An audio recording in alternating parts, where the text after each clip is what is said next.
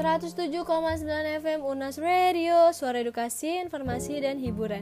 Selamat malam semuanya Ketemu lagi nih sama gue Kirana di Flash News Unas. Malam ini ada dua berita hangat nih yang udah disiapin untuk lo semua. Gak usah pakai basa-basi lagi ya Langsung aja kita ke berita pertama Kalian pasti pada tahu dong dunia sepak bola, apalagi para lelaki nih. Nah, di siaran kali ini gue bakal bahas salah satu mantan bintang sepak bola Brazil, Ronaldo de Assis Moreira alias Ronaldinho yang dibebaskan dari penjara di Asunción, Paraguay. Ronaldinho ditahan atas kasus pemalsuan paspor sobat.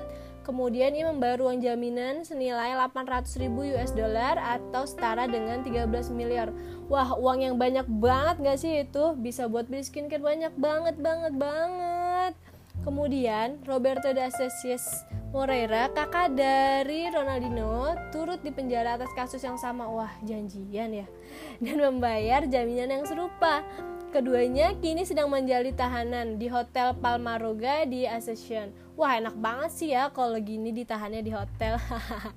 Keduanya ditahan pada tanggal 6 Maret 2020 Setelah memasuki negara dengan menggunakan paspor palsu Mereka tiba di Paraguay. Untuk menghadiri pelatihan sepak bola ternyata sobat.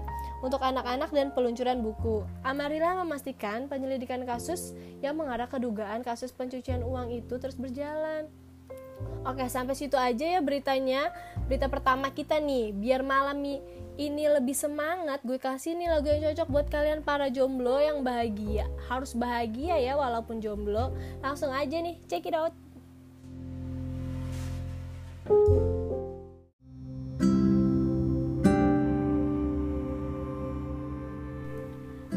Balik lagi di Flash News Langsung aja ke berita kedua Sobat Unas. Ada berita duka dari artis kondang tanah air. Pria kelahiran Jakarta 30 September 1975 Yaitu Glenn Fredly Yang dinyatakan telah tutup usia. Di umur 44 tahunnya, ia menghembuskan nafas terakhirnya di Rumah Sakit Setia Mitra Fatmawati.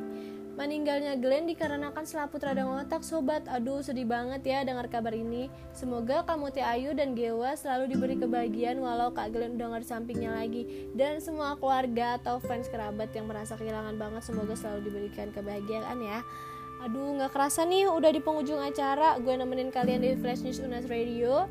Eits tapi jangan sedih Karena besok gue bakal balik lagi Dengan membawakan berita-berita yang masih anget-angetnya nih jam yang sama so pantangin terus. Terima kasih buat yang udah mendengarkan Flash News Unas Radio. Jaga kesehatan karena keadaan sekarang sedang tidak memungkinkan guys. Untuk kita beraktivitas di luar rumah oke? Okay?